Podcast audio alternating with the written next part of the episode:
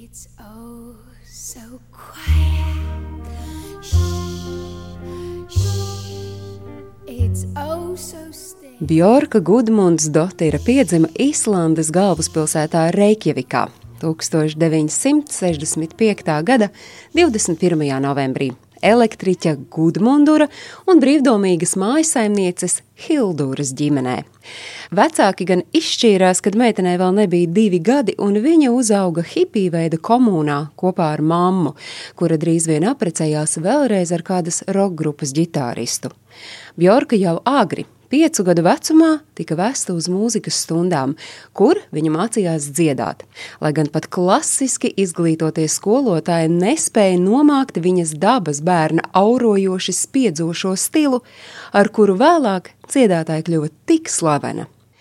Pirmo albumu viņa iedziedāja 11 gadu vecumā, un tajā bija iekļautas lielākoties tradicionālas islandiešu tautas dziesmas, bija arī daži populāri ārzemju hiti, kas tulkot islandiešu valodā. Tomēr Jorka ne tikai dziedāja. Viņa ir strādājusi grāmatveikalā, zivju fabrikā, antikvariātā un Coca-Cola rūpnīcā, kur viņas uzdevums bijis atbildēt par sanitāro apstākļu ievērošanu. Savu atšķirību no pārējiem vienaudžiem Bjorka atklājusi jau skolas gados. Tur viņu pat saukājuši par ķīnieti. Nākamajai dziedātājai jau kopš bērnības šķitis, ka viņa ir kā no citas planētas. Pusaudzes gados Bjorka dziedājusi dažādās pankroka grupās, līdz beidzot noenkurojās grupā Sugar Cubes. Ar viņiem tad arī kopā guvusi pirmos starptautiskos panākumus. Tomēr tāds īsts Bjorkas kults sākās pēc 1993. gada albuma debūta iznākšanas. Albuma nosaukums ir tīrā ironija, jo līdz tam Tobrīd 27 gadus vecā dziedātāja bija piedalījusies jau sešu dažādu albumu ierakstos un, kā pati teica, spēlējusi kopā ar teju ikvienu Islandes mūziķi. Tiesa strādājusi ar citu iecerēm, tāpēc beidzot bija pienācis laiks pašai.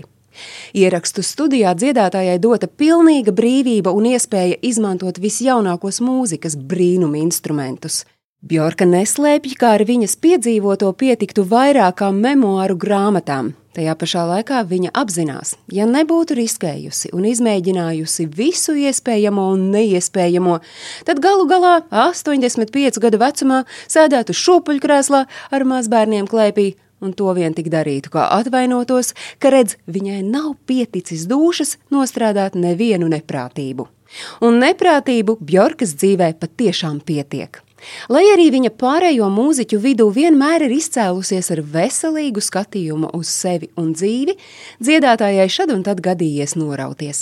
Piemēram, 1996. gadā viņu nofilmēja Bankokas lidostā, kad niknuma uzplūdā bija sagrābusi TV reportieri aiz matiem un daudzījusi žurnālistes galvu pret grīdu, tikai tāpēc vien, ka žurnāliste atļāvusies filmēt Bjorku kopā ar viņas dēlēnu. Šo skandalozo ainu nofilmēja un iekļāva TV kanāla VH1 apskatā simt šokējošākie mirkļi rokenrola vēsturē. Dziedātāja uzskata, ka viņā mīt gan eņģelis, gan dēmons. Un viņa netic, ka visu mūžu var darīt tikai labus darbus un domāt tikai labas domas. Šad tad darot, pabarot arī savu dēmonu un izlaist to palpot svaigu gaisu. Visam jābūt līdzsvarā. Tāpat kā māja, Vispirms pašam jāuzbūvē, un tikai tad var domāt par tās nojaukšanu. Jaunās tūkstošgades pašā sākumā dziedātāja debitēja arī kino pie skandalozā dāņu režisora Lārsa von Trīra galvenajā lomā filmā Dejotāja tumsā. Par pusaklās fabrikas strādnieces Selmas lomu Bjorka saņēma Kannu kinofestivāla balvu kā labākā aktrise, bet pati filma Zelta palmas zaru.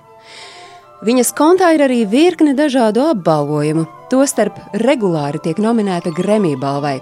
Savukārt Bjorkas videoklipi ir īsti mākslas darbi, bet koncerti, jaunāko tehnoloģiju, ekstravagantu tērpu un masku parāde, kas nav pašmērķīga publikas pārsteigšana, bet gan konceptuāla izrāde, kuras centrā ir par Islandes laumiņu devētā dziedātāja.